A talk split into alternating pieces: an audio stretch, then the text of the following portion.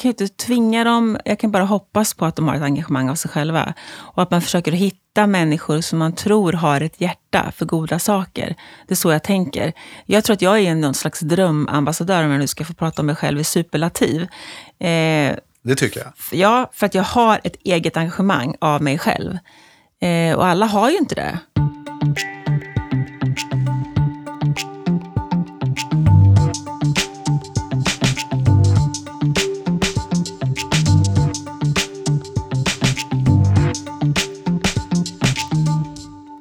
Henrik! Ted! Gud vad kul att se dig! Ja men detsamma. Eh, tänk att vi har fått eh, landa en säsong två av eh, Insamlingspodden. Shit, vi har erfarenhet. Ja, det har vi med oss. Eh, vi har ett antal ämnen som vi vill eh, prata om den här säsongen, som vi inte hann med förra. Nej, men det började redan när vi skissade på eh, podden första gången. Då kom vi ju på 30 avsnitt och insåg att ja, men det här måste vi, måste vi göra till verklighet. Så vi kommer att köra det som är kvar här fram till jul en gång i veckan släpper vi nya avsnitt och eh, vi kommer att prata om eh, ett antal grejer som, som intresserar dig och mig, som vi är riktigt nyfikna på. Precis, får vi hoppas att någon annan också är intresserad. Men eh, det verkade ju vara så under säsong ett. Det var jättekul att det var så många som var, eh, lyssnade och också engagerade sig och hörde av sig och peppade och kom med frågor och input. Så det är vi jättetacksamma för, så det får ni gärna fortsätta göra. Och fortsätt sprida ordet om podden på jobbet. Precis. Och eh, idag då, första avsnittet, då eh, eh, vill vi snacka kändisar och ja, influencers. precis, och du eh, har ju varit influencer under sommaren. Precis, jag har ju prövat på hur det är att få eh, herrans massa tusen människor som kollar på varje Instagram, Instastory-inlägg. Ja, berätta. Berätta. Jo, men jag fick, eh, jag tågluffade Jag och Love som var här sista avsnittet förra gången och sa ja några gånger. Eh, vi alltså din son? Mm, alltså min son. Vi tågluffar ju varje sommar och eh, då finns det en grupp på Facebook som heter tågsemester.nu. De undrade om inte Love och jag vill ha en takeover på deras Instagram under en vecka. Eh, lite drygt blev det nu eh, när vi tågluffar och när vi lever livet i Marseille, hashtag livet i Marseille. Eh, och det gjorde vi. Och, eh, och det var fantastiskt roligt eh, att ha det. Så att jag förstår ju de människor som eh, håller på och är influencer. Det var jobbigt att komma tillbaka till sitt egna konto och ha 178 som tittade på varje bild man la upp. Liksom, när man var van med eh, flera tusen. Men det var kul. Eh, och eh, idag då, då tänkte jag, då bjuder vi hit en som dels eh, jobbar med eh, att eh, aktivera influenser åt en organisation och samtidigt är en influencer själv. Eh, nämligen eh, Lotta Gray. Lotta Gray som eh, numera jobbar på Cancerfonden och har ansvar för deras ambassadörer och influencer och samtidigt är projektledare för Rosa bandet-kampanjen som pågår just nu. Men Lotta, hon är ju en mycket intressant person. Hon är uppväxt i Örebro, eh, har under eh, stor del av sitt liv faktiskt jobbat inom hemtjänst och eh, långvård innan hon landade på Hänt i veckan och blev röda mattan-rapportör. Och det jobbade hon med i hela 19 år. Och under den här perioden så fick hon eh, själv cancer, eh, illa däran eh, och eh, började blogga om det som Vimmelmamman.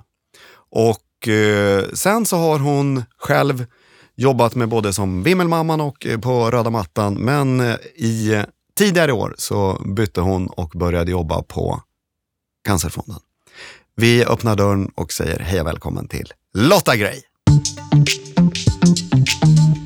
Lotta Gray. Eh, min bästa vän. Eh, nej, men vi känner ju varandra, mm. eh, du och jag. Och eh, jag tycker det är jättekul att ha med dig i insamlingspodden. Mm. Så stort välkommen till eh, vår studio på Östermalm. Tack snälla. Henrik drog ju ditt eh, fina CV här. Mm. Eh, och, eh, men hur, hur skedde hoppet över till Cancerfonden? Den, det känns ju som ett stort hopp. Hur hamnade du där? Men det, jag tror att först så blev jag sjuk. Jag fick cancer 2008. den historien liksom är ju upprapad och uppbroderad och utbroderad liksom i, i ur och skur i alla möjliga olika sammanhang. Så det är inget nytt för någon tror jag väl i stort sett, för, eftersom jag har pratat så mycket om det. Om det. Eh, men efter det blev jag väldigt engagerad i Läkarmissionen, som, som då Henrik, det är därifrån Henrik och jag känner varandra, eh, och blev väldigt engagerad i Läkarmissionen och eh, och, och, och då blir det, det blev så svårt att jobba kvar i den här kändisvärlden.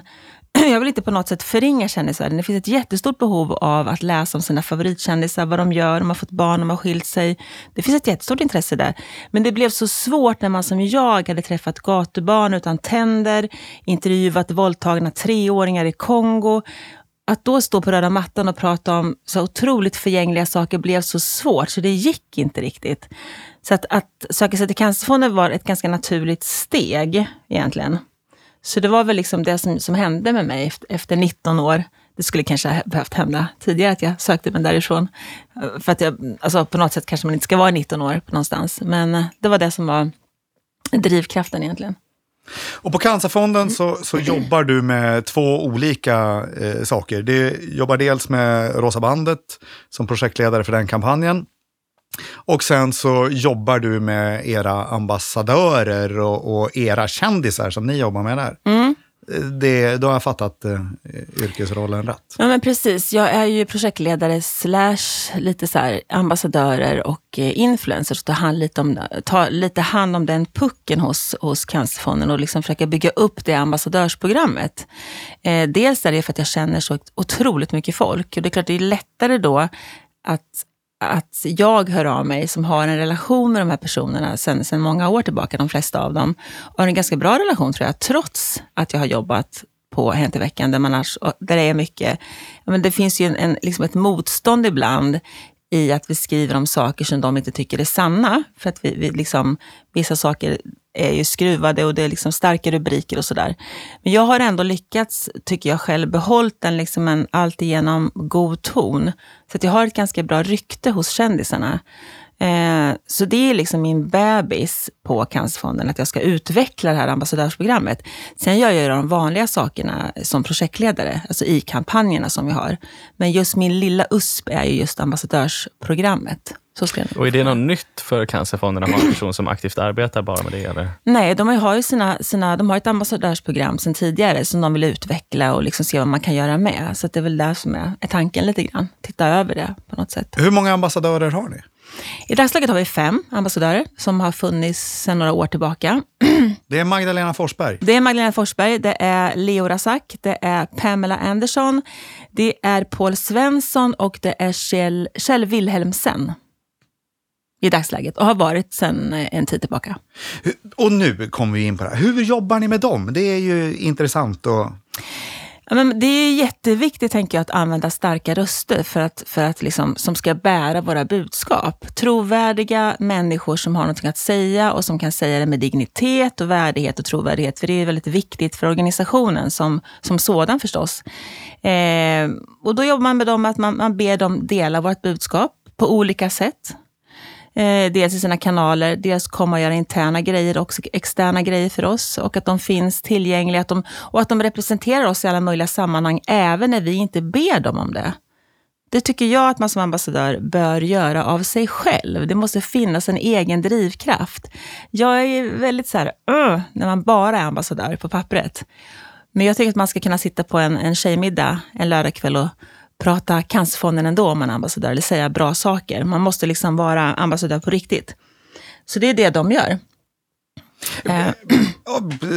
Var ambassadör på pappret. Eh, har ni skrivna avtal med era ambassadörer? Det finns ju sådana syftesbeskrivningar, som är, som är inte avtal i dess anseendet, men det finns syftesbeskrivningar, vad man önskar att de ska göra och ställa upp på. Så det finns något lite löst att förhålla sig till i alla fall. Men har ni bytt ut några ambassadörer? Eller, de som har blivit ambassadörer, de, eh, de är det så att säga? Alltså vi har inte bytt ut några ambassadörer. De som har varit ambassadörer som jag räknade upp tidigare har ju varit det sedan eh, ja, kanske fyra, fem år, fyra år kanske, något sånt. Eh, och det jag bland annat är anställd för är ju eh, att titta över det här ambassadörsprogrammet. Ska vi byta ut några? Ska vi tillföra några, ha kvar samma? Eh, ska vi kräva mera av dem? Vad ska vi låta dem göra? Kan vi hitta på nya tillvägagångssätt att använda dem på? Så det är därför jag är där. Eh, och nu har det varit fullt fokus på Rosa bandet-kampanjen förstås, då, inför oktober. Så jag har haft fullt upp med att liksom jobba fram kampanjen. Men nu kommer jag att sätta mig och titta över på hur vi ska kunna förvalta det här ambassadörsprogrammet med de befintliga som vi har. Och se om man kan göra förändringar eller låta det vara kvar men tillsätta några eller ta bort några. Alltså det är ju det är lite det jag funderar på nu.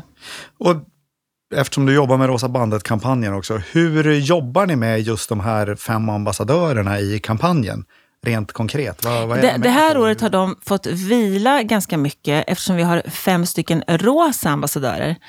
Mm, och de rosa ambassadörerna är då bara vikta de rosa ambassadörerna är bara vikta under Rosa bandet-kampanjen.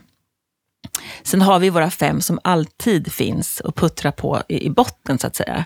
Och de eh, fem rosa ambassadörerna, vilka är det då? Men de fem rosa ambassadörerna under kampanjen är Kristin Kaspersen, det är Carl Dial, Anna Riot, eh, Andreas Lundstedt och Kristoffer Julin som är forskare. Jätteduktig forskare som är ganska mycket knuten till oss och hjälper oss med en massa saker. Och de är alltså inne bara under den här månaden och gör? Mm, de är inne och, och gör lite punktinsatser under oktober för oss. Eh, dels så delar de ju bandet det fina, snygga rosa bandet. Det är väldigt fint Det är väldigt, väldigt fint. fint ja, det är väldigt flott. Designat av Ben Gorham. Eh, och lägger upp på sina kanaler och eh, berättar om bandet. Och, och vara en ambassadör. Puffa lite extra, berätta vem bär du bandet för? Jag bär det för min mamma. Eller jag bär bandet för min kompis som blivit sjuk. Vi har ju ett lite övergripande koncept, eh, kampanjkoncept som kallas liksom, att bära bandet. Vem bär du ditt band för? Som jag tycker är ganska fint. Mm. Ja, jag såg Faktiskt. några filmer där, det kändes väldigt ja. starkt. Mm, de är jättefina. Det är fin, så enkel kort eh, sån caption. Vem bär du ditt band för? Och eh, då en eh, fråga som ju måste ställas i den här podden är ju de här eh, ambassadörerna. Får de ersättning på något vis? Nej, ingen ersättning alls utgår. Det måste finnas ett eget engagemang. Man måste göra det, så det finns inga pengar i det överhuvudtaget för dem. Nej. Nej. Eh, och sen då, då har du de här eh, fem ambassadörerna eh, som är Rosa bandet-ambassadörer. Och sen antar jag att du tar fram din enorma adressbok eh, och ringer runt för att få andra. Och då skickade jag ju till dig här för någon vecka sedan, Anders Ygeman, till och med fått in det i regeringen. Mm. Eh, är det ditt jobb att han la ut det på sitt Instagram eller gjorde han alltså, det? Det är ju kommunikation, är ju, jag jobbar i press och PR. Mm. Och, och, press och PR är ju liksom, vi ska ju försöka få, få så mycket, få det att låta så mycket som möjligt förstås om, ja. om, om Rosa bandet. Eh, och vi skickar ju ut eh, band till beslutsfattare och politiker och, och, människor som är viktiga i våra nätverk för att de ska bära banden och sprida vårt budskap och på så sätt få in mera pengar till forskning. Det är ju liksom själva kroken i det här. Ja, men det var snyggt med Ygeman ja, faktiskt. Eh, sen hade han ju till och med med att det var Ben som hade gjort eh, bandet mm, Jag såg det också, att han var lite påläst. Ja, lite. Det var... Jätteroligt. Ja. ja, det blev vi glada för. Mm. Men eh. sen har ni ju också influencers. Influencers, ja. Influencers. Riktiga influencers. Du menar Ygeman är ingen Nej, men jag tänker liksom, vad, vad, det var mer det, så här, vad är en ambassadör och vad är en influencer? Alltså, ambassadör, Nej, men, då har, alltså, det är ju de här fem nämnda, men sen så finns det ändå folk som är... Influencer är ju en person som har väldigt mycket följare och som också har en stark röst. Men de behöver ju ha mycket följare. Eh, och man behöver inte ha mycket följare. Det där är ju... Alltså, just för Cancerfonden, alltså de vill ju, man vill att de ska ha så mycket följare som möjligt. Och, eller så mycket, nu ska jag ta tillbaka det här, därför att det handlar också om vad man har för typ av följare. Man kan ha 700 följare eller 200 följare som är superlojala. Och man kan ha en miljard följare som är super inte lojala. Super inte lojala, vad konstigt det lät. så det handlar liksom om, eh, det handlar ganska mycket om det. Och det har man ju förstått nu sista tiden, att det handlar inte om den stora skaran följare. Det handlar ju om, om jag som är en influencer, om mina följare litar på mig. Och då jobbar man ungefär med 20-25 influencers som jag har plockat fram och som jag tycker är bra och som är liksom trovärdiga och som har ganska många följare, de flesta av dem. Några har lite färre och några har lite fler. Men som jag har en, eh, en ingång till sen tidigare. Lite grann. Jag känner dem sen tidigare. Eh, och då tänker jag att då blir det också svårare att säga nej till mig när jag frågar. Och det är det som är lite tanken, att det finns en personlig relation. Ja, du måste ju vara sätt. på det viset en guldklimp för Cancerfonden. Ja, men det tro, tror jag nog att, att jag är, eftersom jag känner så himla mycket folk i den där världen. Mm. Sen säger ju många nej ändå. Eh, men, eh, så då jobbar man med, med, med då ett 20-tal influencers, och sen har man då ambassadörerna. Och ambassadörerna, de här rosa, har ju inte sådär tok mycket följare, inte alla av dem. Eh, men de har liksom starka röster ändå i sig själva. Så det är väl det som skiljer lite egentligen. Men rent praktiskt med ambassadör eller med influencerna. Vi satt och snackade om det här, jag och Ted, när vi körde burgare bärs igår. Okej. Eh, och då är, sätter ni några krav på de här influencerna? Att eh, nej, men det får inte vara några burgare och pommes frites-bilder eh, under tiden du arbetar tillsammans med oss, utan då ska det vara eh, sånt som Nej. Cancerfonden och hej och Nej, men det kan man inte kräva av dem. Man betalar dem inga pengar. Eh, så man kan inte kräva att de ska eh, lyfta produkter eller göra som vi säger. Så att man, man kan bara hoppas på att de gör det. Och man kan puffa och man kan ringa och man kan mejla och man kan säga, men kan du inte posta bandet nu? Kan du inte berätta vem du bär bandet för? Och glöm inte taggarna nu, Tillsammans mot cancer, vem bär bandet för? Och liksom rosa band. Alltså de här taggarna måste med och att, att det är viktigt och så, där, så att det samlas på samma ställe så att man kan mäta det och man kan se. Eh, men man kan inte kräva att de ska lyfta. Speciellt inte om de inte får något betalt. Eh, och det är därför det är så viktigt, tänker jag, att man har en, en personlig relation eh, till dem på något sätt. Att man känner dem lite grann. För då blir det som en kompis. Man kan be dem om saker som jag ber dig om en grej. Så, så tror jag att det, det är viktigt. Eh, hur och det mycket måste de, vara färdigpaketerat när du ställer frågan och hur mycket gör de, vill de göra själva så att säga? Men man, man ger dem ju underlag såklart. Eh, bra och rätt underlag så att det kommuniceras korrekt. Så att de inte sitter och hittar på någonting och Rosa bandet eller Cancerfonden och hittar på egna siffror och sådär. Så att man ger dem ju ordentligt med, med, med, med rikt, riktigt och korrekt underlag förstås och taggar. Och så ger man dem ju också material, filmer som ska delas och berättar om dem, hur de gör det. Och de kan ju det. Det är en del av deras jobb. Så att för dem är de, det är att hämta hem en film och ladda upp är inget konstigt för dem, för det är det de gör. Eh, så det är där man, man ger dem. Och sen så mejlar man och så, hur går det? Kan du lägga upp? Det skulle vara så kul om du kunde posta imorgon eller innan oktober är över förstås. Ehm, så det är det som är är tanken. Och det är klart att de måste kunna få äta chips eh, och dricka cola. Kanske inte dricka massa, massa sprit och röka på bilderna är väl inte sådär jättehärligt för oss, tänker jag. Eh, men då har jag då valt influencers som inte brukar posta den typen av bilder. Så får man ju lite tänka. Enkelt gjort. Enkelt gjort, precis. Mm, eh, och under den här tiden får de, eh, plockar ni ambassadörer sådana som är ansikten för andra organisationer då också? Så att det här, det, det är en bra influencer, att det råkar vara en ambassadör för, låt säga Unicef, spelar ingen roll, utan det, ni kör ändå. Nej, men vi kör ju ni så länge sånt? det inte krockar, eh, att det inte ligger för nära vår verksamhet, tänker jag. Att det är det som är det viktiga. Det är klart att, att man ska kunna vara ambassadör för någonting annat som inte alls, som ligger jättelångt från oss. Eh, men är det för nära så går det ju inte. Och de säger oftast nej då själva, för att de tycker att nej, men jag, liksom, jag hänger med Barncancerfonden. Och det kanske blir lite tokigt, för då vet inte följaren riktigt, nej men vänta här nu, har hon postat om Barncancerfonden nu eller postar hon om Cancerfonden? Och så blandar man ihop det där. Så man får bara akta sig för att man inte är för nära. Det Och så ger de pengar för till fel organisation. Och så ger de pengar till fel organisation. Ah, Just det. det går inte. Nej. Du säger ni följer deras, eller taggar och sådana där saker som, som ska upp. Har ni någon koll också på hur mycket pengar de här eh, drar in till organisationen? Vet ni, har ni ett hum på hur mycket pengar Magdalena Forsberg har bidragit med? Jag har hakat upp mig på Magdalena. För Jag vet inte, nej. För det var namnet du kom ihåg. nej, för att Tänker jag du rent gillar Magdalena. generellt, tänker du alltså pengar rent, nej det är helt omöjligt att veta hur mycket hennes postningar kan generera i rena pengar till cancerforskning. Tänker jag. Det Mm. Ja. går ju inte att mäta det. Utan det handlar ju om varumärkesbyggande. Det är bara det. Ja, jag tänker att man, att man allierar sig med trovärdiga människor som kan lyfta budskapet. Det i sig genererar ju förstås i, i förhoppningsvis mera sålda band eller mera minnesgåvor. Eller mera liksom Swish eller, eller autogiro-givare såklart. För att man gillar det hon postar och man känner en trovärdighet och en lojalitet med Magdalena. Men att mäta det konkret i pengar, det tror jag inte går. Eller det, jag, jag tänker att det är svårt att veta exakt vad det är. Utan det handlar om att bygga varumärket väldigt mycket. Så hur mäter ni ert arbete då med kändisar och influencers? Alltså att mäta det rent i, i, re- i reda pengar, tr, tror jag, har jag svårt att se att det går. Eh, utan det handlar om goodwill.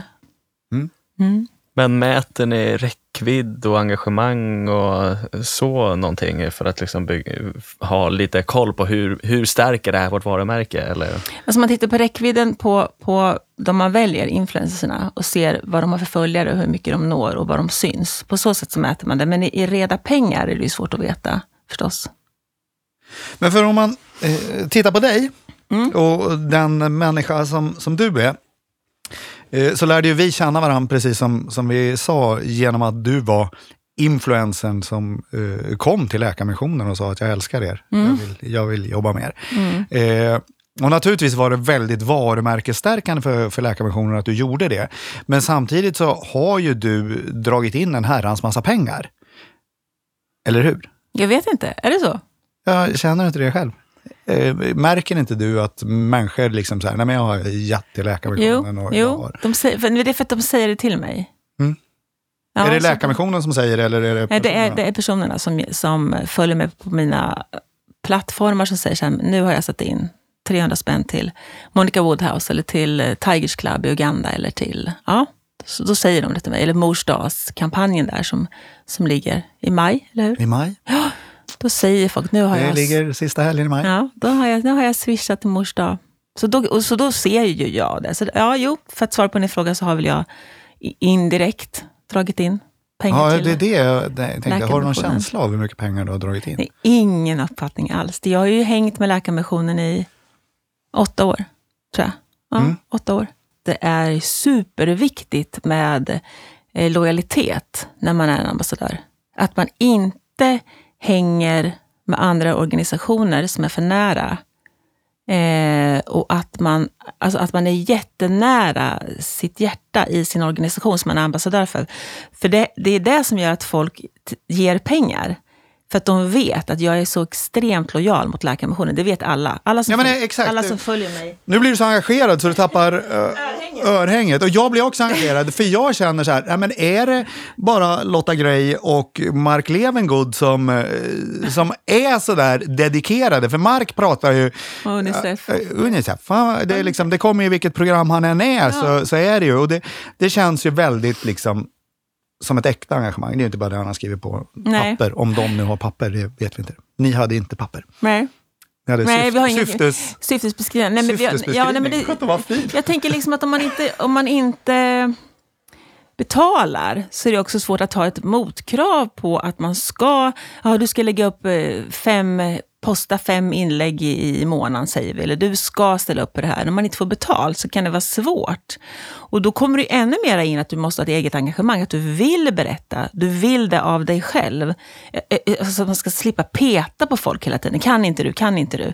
Det, det förstår du hur jag tänker? Att Jag förstår hur du tänker. Drö, drömambassadören är en människa som ringer och säger, vad kan jag göra? Vad kan jag göra för dig? Vad, jag, vad, berätta, vad, Men vad och ska så jag var ju lite grann du, Mm. skulle jag vilja säga. Och ditt engagemang, du hade eh, haft cancern, eh, som du sen har skrivit en fantastisk bok om. Vad heter den? Tack. Himlen kan vänta. Himlen kan vänta. Eh, jättebra. Finns som ljudbok också. Är det har du som läser den? Ja, Det, har- är jag jag, som läser jag har köpt boken. jag vet. Du, var ju, du kom ju på min eh, signering. Du var ju den enda stackaren som kom i och för sig. en stekhet dag i juli. Ja, det var, För ja, två- men var, det var det en signerad bok det där hemma. Det var, Juni. annars var det början på juli, för jag läste den nere i Frankrike sen. Ja, det kanske var, Eh, ja, det var men- varmt, kommer jag ihåg. Ja, det, var- det är något år sedan nu. Eh, och för att hitta tillbaka till spåret så var det ju att och nu har du hamnat på Cancerfonden och det känns ju lite som det är hemma. Men ditt engagemang för, för eh, Läkarmissionen och att du på det viset hörde av det där och, och arbetade så länge som, som ambassadör och, och influencer och frontfigur. Vad, vad grundar sig det i egentligen? Vad är det som gör att du har hjärtat som jag menar du har? Eh, jag tror att det handlar om att jag blev sjuk och sen blev jag frisk. Och sen har jag alltid haft det där hjärtat. Så det, det är inget som egentligen har att göra med att jag har blivit sjuk och sen blivit frisk. Jag var ju likadan när jag var, liksom, när jag var ung. Samlade ihop massa pengar och skulle ge till alla på våra semesterresor med familjen så satt jag ju alltid och skulle köpa vatten till alla åsnor som inte hade något. Alltså jag har alltid varit sån. Jag har ingen aning Du är en givmild person. Ja, jag vet inte var det där kommer ifrån riktigt. Sen blev det ju mycket mer av det när jag blev sjuk. Eh, och då så, så ringde jag upp. Nej, jag började skriva om gatubarn. Eftersom jag är gatubarns fetisch. Ja, men och vad kommer den ifrån då? Vad, Ja, men det- hur kom gatubarnen? Nej, men jag är extremt intresserad av gatubarn. Eh, Det låter jättekonstigt. Det låter som jag vore liksom... Nej, men det låter lite konstigt. Men eh, jag tror att det handlade om att jag såg en film om Rwanda. Eh, jag såg ett, eh, ett nyhetsinslag om Rwanda i tribunal, tribunalen i Haag. Där man hade ta- tillfångatagit några av de här värsta snubbarna som gjorde störst förödelse under Rwanda där 94.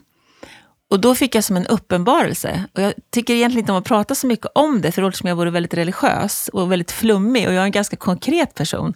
Men jag blev som besatt efter inslaget. Och det var ju liksom ett inslag, det, det var inte så att jag inte visste om att det hade varit ett folkmord i Rwanda. Det är klart att jag visste det. Men det blev så extremt tydligt i det här nyhetsinslaget. Och efter det så började jag så här googla gatubarnsavhandling, pdf-avhandlingar. Jag låg upp hela nätterna och bara läste allt jag kom över om gatubarn och blev så här helt besatt av gatubarn.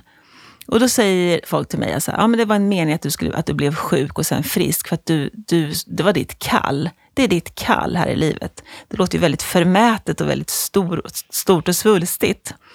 Eh, och sen höll jag på och skrev om gatubarn i min blogg.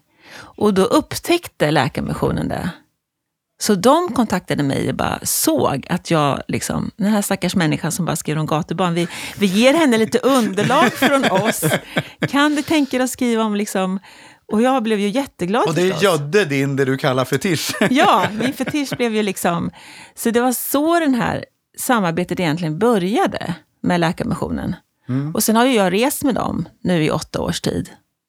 Typ en gång per år nästan. Nej, inte riktigt. Inte sista åren kanske. Eh, och mitt hjärta är ju fortfarande kvar där. Och det var ju en av de första frågorna som jag sa till min nya arbetsgivare. Kan jag fortfarande vara ambassadör för Läkarmissionen? För annars vette fasiken.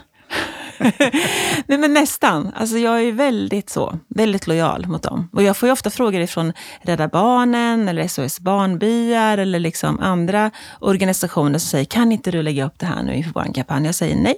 Jag hänger med Läkarmissionen. Det går inte. Det blir jättekonstigt för mina följare om jag ena dagen skriver om Rädda Barnen, nästa dag skriver jag om SOS Barnbyar. Det går inte. Det finns ingen trovärdighet i det. När du säger det här, Mm. eh, blir det inte då väldigt konstigt att några av dem du jobbar med, det ser jag på en gång när du läste upp vilka, eller det ser jag på en gång när du berättade vilka det var, att eh, de här människorna är ju sådana som har cancerhatten ena dagen och, och sen har de regnskogshatten och så sätter de på sig, eh, ja för all del gatubarn också liksom. Eh, Gör du i ditt jobb liksom någonting för att binda upp de här lojalitetsmässigt och, och peka på ditt egna engagemang att nej men det är så här man jobbar som, som ambassadör för en organisation? Alltså det, man kan ju inte, man kan ju aldrig så begära igen. Jag kan ju inte tvinga dem, jag kan bara hoppas på att de har ett engagemang av sig själva. Och att man försöker hitta människor som man tror har ett hjärta för goda saker. Det är så jag tänker. Jag tror att jag är någon slags drömambassadör, om jag nu ska få prata om mig själv i superlativ. Eh, Det tycker jag. Ja, för att jag har ett eget engagemang av mig själv. Eh, och alla har ju inte det alla vill ju göra gott, men jag tror att en del brinner ju extra mycket för vissa saker. Då, då brinner man ju... Då, jag kan ju inte hoppa. Jag kan inte så här, ena, imorgon skriva om någonting annat. För det går inte. Det blir jättekonstigt. Det kommer inte bli trovärdigt i mina texter. Det kommer kännas, tror jag. För man känner ju nerven. När jag skriver om, om mina gatubarn så känner man det. För det är så starkt. Så, så man kan bara hoppas. Man kan ju inte kräva av dem. Och då tror jag att man får leta ihjäl sig om man ska hitta ambassadörer som är så slaviskt trogna oss precis hela tiden. Men hur tänker du där då, rent strategiskt för Cancerfonden? Hur, hur når man dem? Hur når man den personen som, som du var där då? För det, blir, det känns ju ändå som att, att Läkarmissionen hittade dig, mm, var, hittade ju, var ju det som gjorde att du knöt dig an till dem. Precis. Hade det varit eh, SS Barnbyar, då kanske det var de som hade blivit ja, din organisation. För, förmodligen. Så det gäller ju att hitta personerna i rätt läge. Hur tänker du kring det? Nej, men jag liksom tänker att man får ju, liksom, man får ju läsa på. Eh, och så får man hitta människor som man tycker har en trovärdighet i sig själva. Och så får man försöka liksom titta bakåt vad de har gjort tidigare, hur lojala de har varit. Man får läsa på, man får googla, man får läsa grejer. Det är det enda sättet man kan göra det på. Liksom. För ibland är de ju knutna till andra organisationer. Och då går det ju inte, om det är för nära besläktat så att säga med, med Cancerfonden. Eh, och ibland säger de själva att nej men jag, jag kan inte vara ambassadör, jag kan inte vara rosa ambassadör, jag kan inte göra det här för att jag, eh, jag skriver så mycket om det här projektet just nu och det känns inte... Och då får man ju respektera det. Och då är de, de är ju de lojalaste.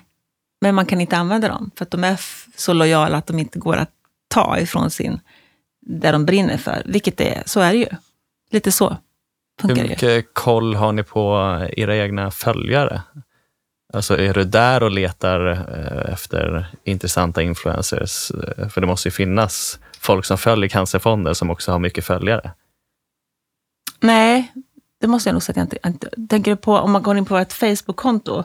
Ja, men, ja, Facebook eller, eller på... Instagram eller vad som helst. Att det måste ju finnas eh, i alla fall på lägre nivå influencers som också ja, följer Kassafonden. Ja, det som har färre följare. Ja, precis, det, det, vi gör, det jag gör ibland är att jag går in på vårt Instagram-konto. Där kan man ju se eh, interaktionen ibland. Och där har jag ibland svarat och försökt att få igång en diskussion med den som jag ser är väldigt lojal. Om någon har startat en, en, en egen insamling till exempel, eh, så är jag oftast en person som är väldigt engagerad och kanske har fått en, en insamling som har ökat väldigt mycket på kort tid. För att den personen är väldigt driven och liksom puffar för sin insamling och fått ihop ganska mycket pengar på kort tid. Och då kan man gå in och kontakta den. Det har jag gjort ibland. Kollat av och gjort tummen upp och vad kul att du hänger med oss och vi är så glada och tacksamma för ditt bidrag. Så på så sätt kan man knyta till sig följare som är så kallade mikroinfluencers. De har inte jättestor följarskara, men de har väldigt lojala följare och de ska man absolut inte underskatta. Så man behöver ju inte vara liksom en, en, en stor influencer. Absolut inte. Och om man sitter på en organisation som inte alls jobbar med vare sig ambassadörer eller influencers, mm. ska man börja jobba med det och hur ska man ta sig an det i så fall? Eh, nej, men jag tror att det är väl alltid bra att dra till sig människor som vill hänga med sitt varumärke som har fortfarande hög trovärdighet. För mig är det jätteviktigt att det inte får vara för spretigt. Eh, och välja ut några få som man vet kan liksom bära ens budskap. Och även göra det, inte bara när någon blir ombedd, utan helst göra det av sig själva. Liksom. Eh, det är väl ett, ett, bra tips, försöka hitta de människorna. Och de behöver inte vara stora, de kan ju vara, som jag sa, ha få följare, men väldigt, väldigt lojala följare. Eh, så det absolut, det tycker jag att man ska, som organisation ska fundera på. Är det värt det? Tänker du värt det rent ur ett ekonomiskt perspektiv eller ur ett... Ja, ur arbetsinsatsen. Är det värt att ha en, en influencer som, som talesperson? Om den personen är trovärdig så tror jag att det är värt det. Alltså, jag hamnar tillbaka i trovärdigheten. Mm. För det är superviktigt, och speciellt i organisationer som, som vi jobbar med, insamlingsbranschen och ideella organisationer, där är det ju ännu viktigare med trovärdighet. Att det liksom finns en, en, ett tänk som man kan förlita sig på stämmer, att det inte blir för flyktigt. Så att, ja, absolut att man kan ha en, en influencer som talesperson om den personen vet vad den pratar om och är trygg i det och står för det. Det tror jag är inte alls fel. Nej, men jag, jag håller med dig. Mm. Eh, för jag har ju själv sett det, bland annat med dig. Mm. Eh, hur, hur bra det är att ha en sån människa. Men det är just den här lojaliteten som man, som man måste åt. Mm. Eh, för att få den. Ja, och det är ju det är inte helt lätt, tänker jag. Jag liksom skriver jättemycket om, om, om Läkarmissionen i min bok. Alltså halva min bok handlar ju om Läkarmissionen och mina projekt. Mm. Och det, det är otroligt bra för Läkarmissionen. Alltså det är så bra så det är inte klokt. Mm. Så det är klart att, att alla funkar inte så som jag. Eller liksom att, det, att det är så... Nu ringer en 14-åring som vill ha pengar. Man får inga. Ska vi pausa så du får swisha? En swishpaus? Nej, nej. Jag kallas även swishmaskinen. nej, men jag, jag går under namnet swishmaskinen. Eh, nej, men jag, nej, men det är svårt. Svårt att hitta människor som har ett, ett eget engagemang. Och framförallt idag tror jag när man blir så himla uppvaktad av alla möjliga influencerstall och kan du berätta om det här, kan du skriva om det här, kan du liksom... Jag får ju jättemycket sådana förfrågningar. Sist var det om jag skulle skriva om något, det vill säga man ska jämföra räntor. Vad heter sådana företag? Lando. Ja men, ja, men typ sånt. Och det är så här, eller spelbolag, eller nej, nej, nej, nej. Jag säger nej. Så man, får ju, man blir ju uppvaktad från alla möjliga håll. Och då gäller det att hålla tungan rätt i munnen. Så att man vet, som jag sa till dig, jag får ju ofta brev från, från Rädda Barnen eller, eller UNHCR. Eller liksom. Och jag tycker att UNHCR är grymma. De är sjukt så här hands-on och jag gillar dem jättemycket. Men jag kan inte skriva med UNHCR. Inte när jag dagen innan har skrivit om Läkarmissionen. Hur ska folk veta vem, vem jag tillhör? Liksom? Det är jättekonstigt. Så nu är din fördelning, liksom, Cancerfonden är jobbet och mm. Läkarmissionen är hjärta? Mm. Cancerfonden är också hjärtat förstås, eh, såklart. Det är en fantastisk organisation så. Men jag är ju fortfarande Läkarmissionens ambassadör. Eh, jag ser mig i alla fall som det fortfarande. Det finns inga avtal skrivna. Det är bara ett muntligt hej och håande. Liksom. Det är du och Eva som Ja, det är jag och Eva. har tagit lite. hand på det. Ja, och jag blir jättearg när de när Läkarmissionen är ute och åker med, med influencers och de inte postar tillräckligt mycket grejer. Kommer du inte ihåg jag skällde på dig när du var ute? Och, och, och bara, ni har ju inte lagt upp någonting. Mm. ja, jag vet, jag är lite knäpp. Ja, men det, det är bra. Nej, men alltså, som, som jag sa, återigen, liksom, det, det är få som jag uppfattar så, så lojala i, i sitt. Och det är det där jag tycker är så, så intressant. För jag kan tycka att man, men när jag har jobbat med Sånger för livet, mm. eh, en konsertturné eh, som Läkarmissionen har, så är det så tydligt att de eh, som, som man har varit ute och rest med eh, och som har, själva har sett arbetet, eh, de, de blir ju så... De levererar månadsgivare på ett mm. helt annat vis mm. än random artist som gör tre konserter mm. och, och, pratar om att det är, i det här fallet, då, hemskt med, med föräldralösa barn. Mm. Eh, så, så att eh, jag kan bara ställa upp på det. Men Ted, eh, Operation Smile. Si. Si, eh, Efter tio, det är ert program. Där har ni klippkort. Jajamän. Ja, men där har vi ju eh, en ambassadör som är engagerad. Det är, en, det är vår enda ambassadör, men, men där finns det också en naturlig koppling såklart eftersom eh, det Malous dotter Julia föddes med gomspalt, så hon har alltid varit engagerad i frågan mm. ända sedan första dokumentären på TV4, eh. Eh, Eh, men eh, sen har vi ju, vi är ju lite där i gränslandet hur vi ska börja jobba vidare med influencers och hitta, för att det blir ju lätt att man stampar på, på liksom man har sina följare och man når till dem, men hur når man ut bredare och utan att behöva eh, investera en herrans massa pengar? Eh, mm. Och då är det ju i teorin tacksamt att kunna jobba med, med influencers, men det är ju just det där svåra att hitta folk som verkligen är engagerade i frågan och, och hur mycket tid ska vi lägga ner på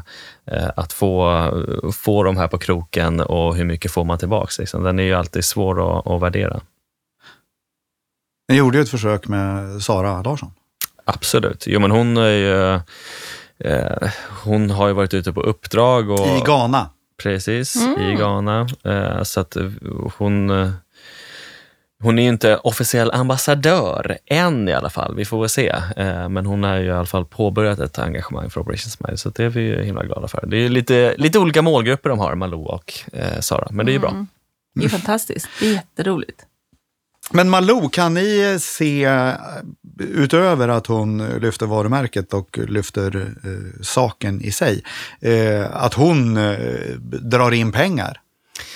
Det är samma sak där. Det är svårt att, att mäta det i kronor. Det är inte så att hon har haft någon egen insamling eller eh, på så sätt liksom konkretiserat det, utan det är mer att eh, hon har eh, lyft det i sitt program och det ser vi ju. Det går ju att mäta på det sättet att vi ser att trafiken går upp på webben på en gång och gåvor kommer in. Eh, eh, och samma sak att vi hade en dokumentär med henne som gick i samband med eh, julen för två år sedan och då var ju också en del av vår julkampanj som vi kunde bygga på och de barnen som hon träffade där, de kunde vi använda också i kommunikationen kring jul så att vi kunde liksom driva på, på varandra. Men att mäta är ju svårt. Svårt, och det kanske ja. inte är så man ska jobba heller med ambassadörer, att eh, titta Jag rakt nej, i jag tror att det är mer långsiktigt tänk och varumärkesbyggande och lojalitetsbyggande mer än att det är svårt att veta exakt hur mycket pengar får vi in för att den här personen... Det är svårt att mäta det. Ja, så är det.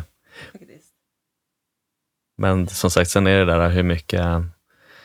Att hitta de där som verkligen är engagerade är ju inte lätt. Men när man väl gör det, då har man ju en som du som då har, eh, har, har valt din organisation och kommer för alltid vara Läkarmissionen. Och då, då är ju det väldigt mycket värt såklart.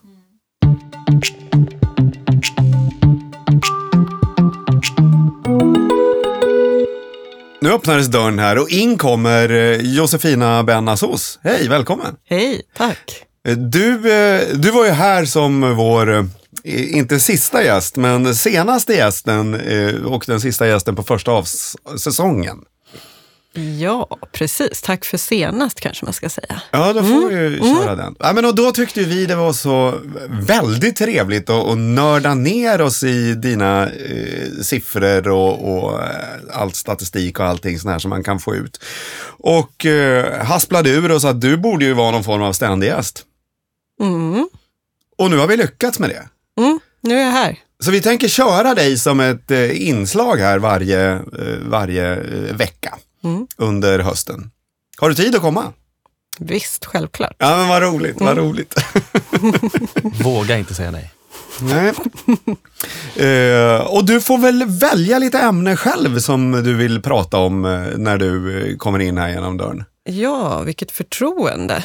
Ja. Jag tänker att vi har ju en bank med massor med kunskap som många kanske har tagit del av förut, men eh, en del grejer kan man absolut höra igen. Och sen tror jag att det är mycket kunskap som vi på Giva har som kanske inte vi har lyckats förmedla till alla. Så vi är jättetacksamma över att få vara här och dela med oss av kunskap. Så roligt, Mm. så lite så. Spännande. Vad har vi det här första historiska inslaget? Då? Vad, vad ska vi prata om? Vad tänker ni om eh, att vi ska prata om, vem är den där givaren då? Vem är det som skänker pengar? Ja. Ja, Vem Kul. är hen? precis. För där är ju den liksom eh, allmänna känslan att det, det är en... eh, Inte en hen. Det, det är inte en hen utan det är en hon och ju äldre hon är, eh, ju mer ger hon och så bor hon gärna i postnummerområden nära vatten. Ha, mm, mm, du, du är väldigt nära sanningen. Eh, Ja, ja. ja, det är ju så att eh, vi mäter årligen vem är det som skänker pengar. Vi ställer frågor till allmänheten för att förstå vilka är det som skänker pengar. Det här är ju superviktigt för alla våra medlemsorganisationer att ha koll på såklart. Och det verkar ju som att det är vissa grupper som är mer benägna än andra att skänka pengar. Med det sagt så, de som inte är mer benägna skänker ju inte inte, utan även de kan skänka men verkar vara mindre benägna att skänka. Så att ja, precis. Det är ju eh, så att kvinnor skänker i högre utsträckning än män. Jag tror att det är 65 procent av kvinnor uppger att de har skänkt senaste sex månaderna, medan det är drygt 50 för männen. Så att det är många män som också skänker. Det verkar också vara så att eh, folk som bor i storstadsområden snarare än på landsbygden skänker i större utsträckning. Och sen verkar det också som att är du högutbildad eller gift eller sammanboende så skänker du i högre utsträckning. Men de tänker jag också korrelerar till inkomst ofta. Högutbildade och sammanboende gifta har kanske en bättre hushållsekonomi och därmed större möjligheter att skänka. Och sen det som vi också kan se är att det som du själv uppger att du röstade på i senaste riksdagsvalet verkar ge utslag i om du skänker eller inte. Så personer som senast röstade på, uppger att de senast röstade på Socialdemokraterna, Vänstern eller Miljöpartiet uppger också i högre utsträckning att de skänker. Um, ja, så det är den klassiska givaren kan man säga.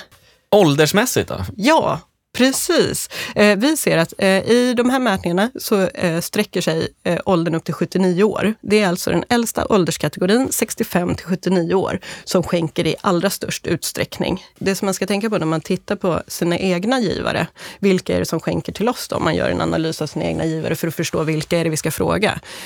Ett vanligt misstag är ju att man eh, Ja, man, eh, man får ju svar som man frågar. Så har jag till exempel bedrivit rekryteringskampanjer i storstäder så har jag ju såklart en överrepresentation av personer från storstäder i mitt register. Men det behöver ju inte betyda att det är egentligen de som står närmare oss eller är mer benägna att gilla min organisation. Så det ska man ju ta hänsyn till när man gör en analys av sitt register. Hur har vi rekryterat historiskt och betyder det att det är så vi ska fortsätta rekrytera? Ja men gud vad spännande. Mm -hmm. Det är ju precis sånt där som man ställer sig frågan efter. Mm. Och eh, då är det ju, som man ropar får man svar. Precis. Josefina, mm. som sagt det är ju superintressant att ha dig här. Eh, mm. Du måste komma tillbaka nästa vecka så kör vi eh, mera siffror då. Då kör vi igen. Ja, mm. Kul, tack. Tack.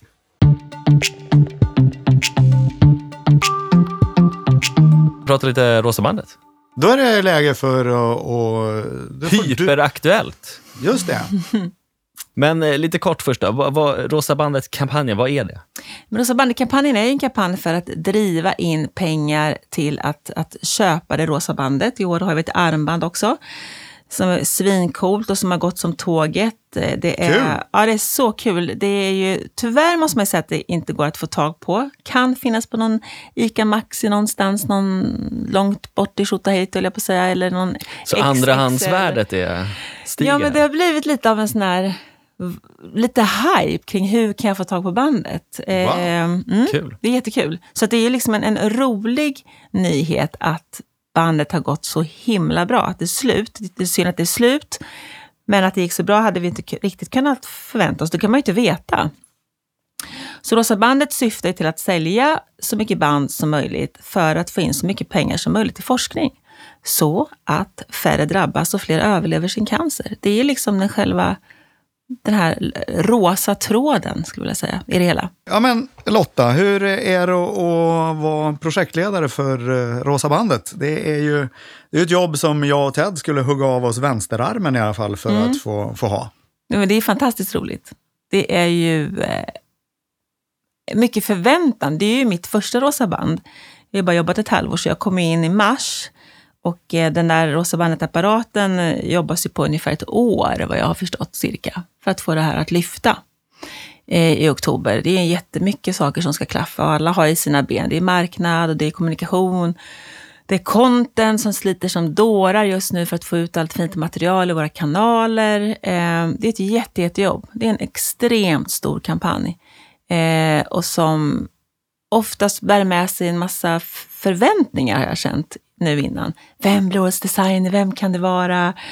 Och det är mycket, mycket hysch-hysch och själva den här 27 september blir så här drum, drum, drum, drum, trummorna. Jag gillar det. Jag tycker att det är lite häftigt. Under kampanjen. Det var eh, Rosa, Rosa lopp började det med. Mm. Eh, eller hur? Det var mm. lite startskottet där. Mm, precis. Eh, har ni haft några fler aktiviteter som du kan berätta om som ni har gjort? Men vi har ju haft en pop-up store en ja. rosa liten butik eh, på Hamngatan, vid Hamngatan. I Stockholm? Där, I Stockholm, precis. En jättefin butik. Eh, det är XXL som är avsändare där som har upplåtit en liten yta där vi har sålt band. Man får kunna få komma in och, och klämma på sina, lära sig lite om bröstskolan. Eh, upptäcka knölar i sina bröst, jätteviktigt. Eh, den är stängd nu. Den var till 4 oktober, tror jag. Mm. Så den har varit där. Och sen så har vi haft Rosa bandet-loppet ute på Lidingö. Där vi har haft jättemycket taggade personalen. Personalen säger man inte, anställda. Vi har sprungit. Jag har inte sprungit. Jag har varit där. Kontoret. Kontoret har sprungit. Eh, personalen, gud jag lät klinisk. personalen. det är. Det är jättekonstigt. Eh, och där vi har sålt band och har liksom pratat Hur med många var folk. med i loppet? Ja, men det är hur mycket folk som helst. Alltså det är jätte... Det går inte ens att räkna Henrik. Nej, men det var ju så mycket folk så det var inte klokt. Och hur långt sprang man? Fyra eller nej, tio kilometer. Fyra eller tio kilometer. När du berättar hur, hur det här är och just det här att man bygger upp det under ett helt år och det är nu man ska bränna av alltihop. Eh, jag älskar det ju. Det där är ju min livsnerv. Eh, det där är ju sånt som jag kan behöva gå i terapi för att jag bara... Eh, jag lever för sånt där. Jag tycker det, den kicken är, är så himla kul. Eh, Medan det här är din första sväng, du har varit 19 år på röda mattan. Hur, hur upplever du kampanjpulsen? Alltså för mig är det, jag kommer från en helt annan värld. Jag kommer ju från en skrivande värld. Jag har ju suttit och skrivit texter i 19 år. Liksom. Det är det jag har gjort. Och nu går jag in som projektledare, ett jobb jag aldrig någonsin har haft tidigare. Eh, så att för mig är det ju helt nytt. Allt är helt nytt. Eh, och det finns ju en nerv. Som, det, är det är som ett crescendo som byggs upp. Och det är inte jag van vid. Jag har ju gått till jobbet och skrivit en text. och Jag har fått en ny text och så skrivit den och så fått en ny text. Här är det som en sån här uppbyggnad hela tiden. Och så då 27 september så släpper man designen och det är lite hype kring det. Och liksom, ja, men det är jättespännande. Det är ett helt nytt sätt för mig att jobba. Så att det är ju är det supercoolt. Det, det är mycket förväntan. Jag gillar det. Att det blir så här förväntan i luften. Det är jätteroligt. Superhärligt att träffa alla andra. Vi är ju 75 stycken som jobbar på Cancerfonden ungefär och alla jobbar ju inte med kampanjen, Rosa bandet-kampanjen. Men många av oss jobbar med Rosa bandet-kampanjen. Eh, och det är ju, man blir väldigt starka tillsammans. Man drivs mot samma sak. Att sjösätta kampanjen till 27 oktober har ju varit liksom ett mål som stärker alla.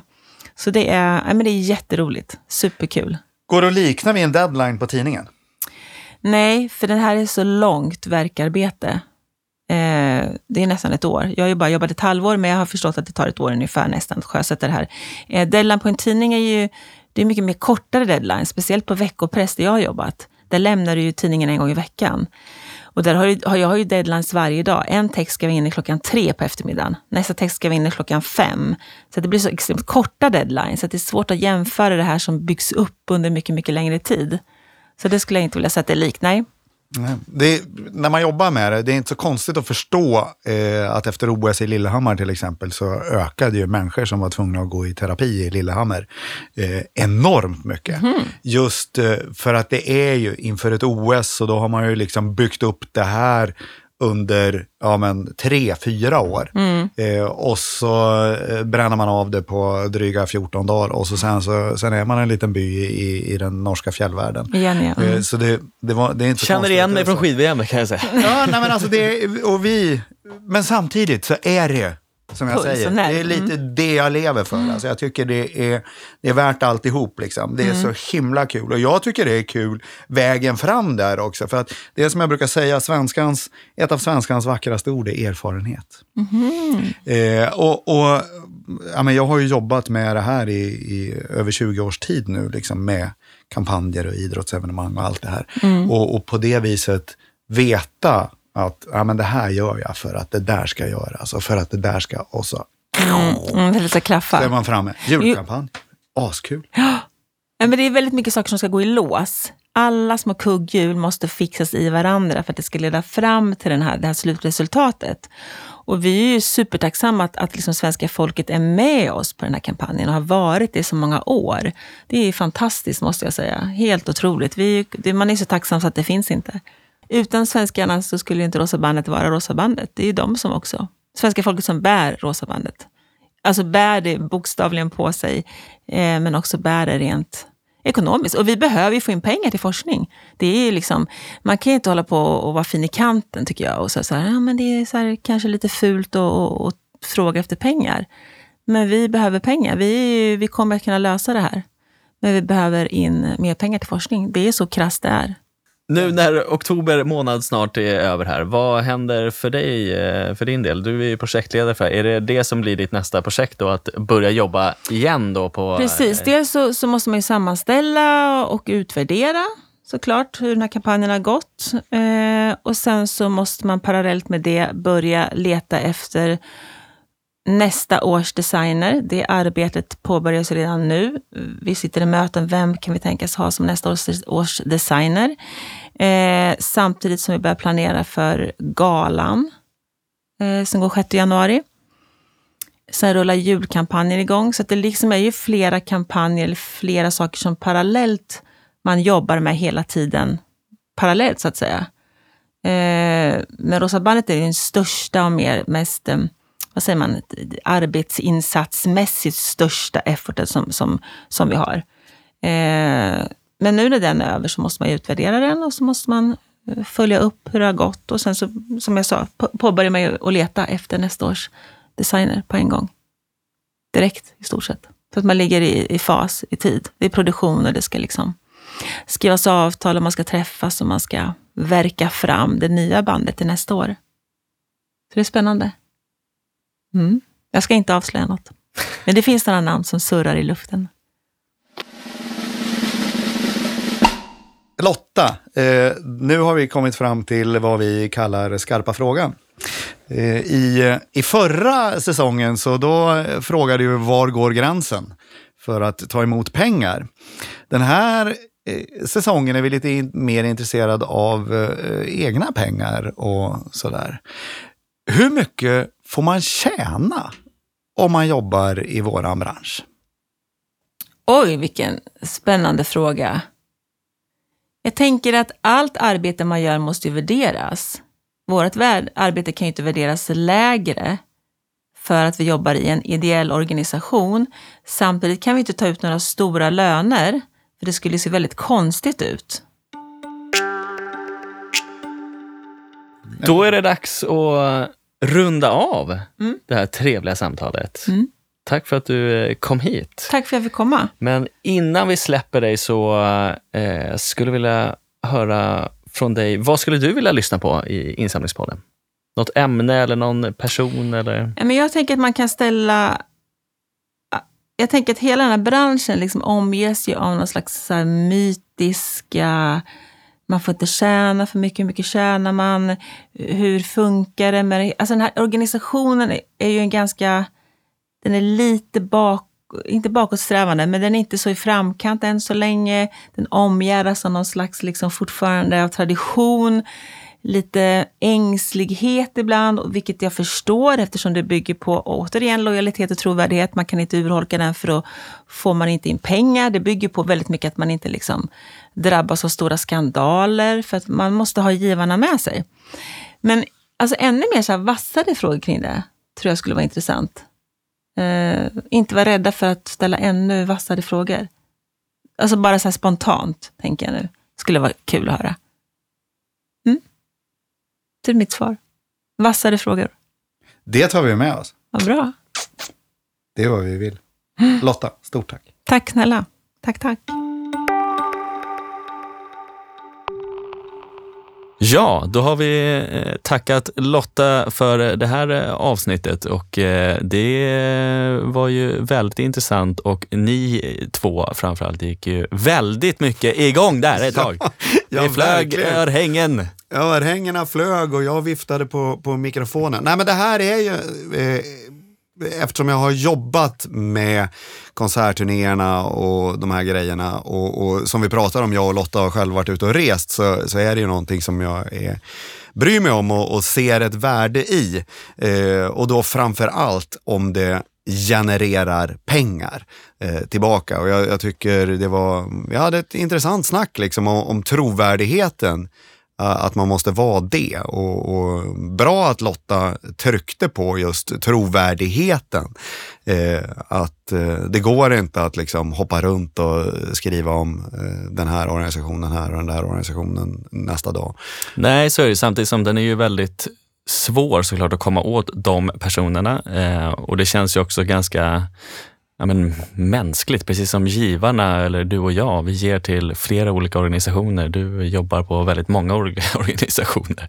Man har ett, ett driv och ett hjärta och så blir det väl också för många som tar på sig lite för många hattar kanske när det kommer till ambassadörskap. Men hittar man de där som eh, verkligen väljer sin organisation så, så finns det ju stora fördelar med det. Mm. Eh, det gör ju det och jag känner vi måste nästan eh, skriva av oss lite grann. Jag tror vi får använda den här eh, sidan ju som faktiskt heter insamlingspodden.se. SE, vad annars? Insamlingspodden.se och eh, jag ska gå hem och, och skriva av mig lite grann om de här sakerna. Snyggt. Vad, vad känner du för det? Kör hårt. Gör det. Jag, jag går hem och skriver. Mm. Eh, Och jag ska gå hem och eh, läsa Lottas bok, för den har inte jag läst. Nej, den är fin. Mm. Du kan få låna den av mig. Tack. Mm. Signerad. Signerad. Får inte läsa vad som står på första sidan. du Ted, vi tackar varandra för idag Det gör vi. och vi tackar er som har lyssnat. Ha en fortsatt underbar vecka. Fino! Hej!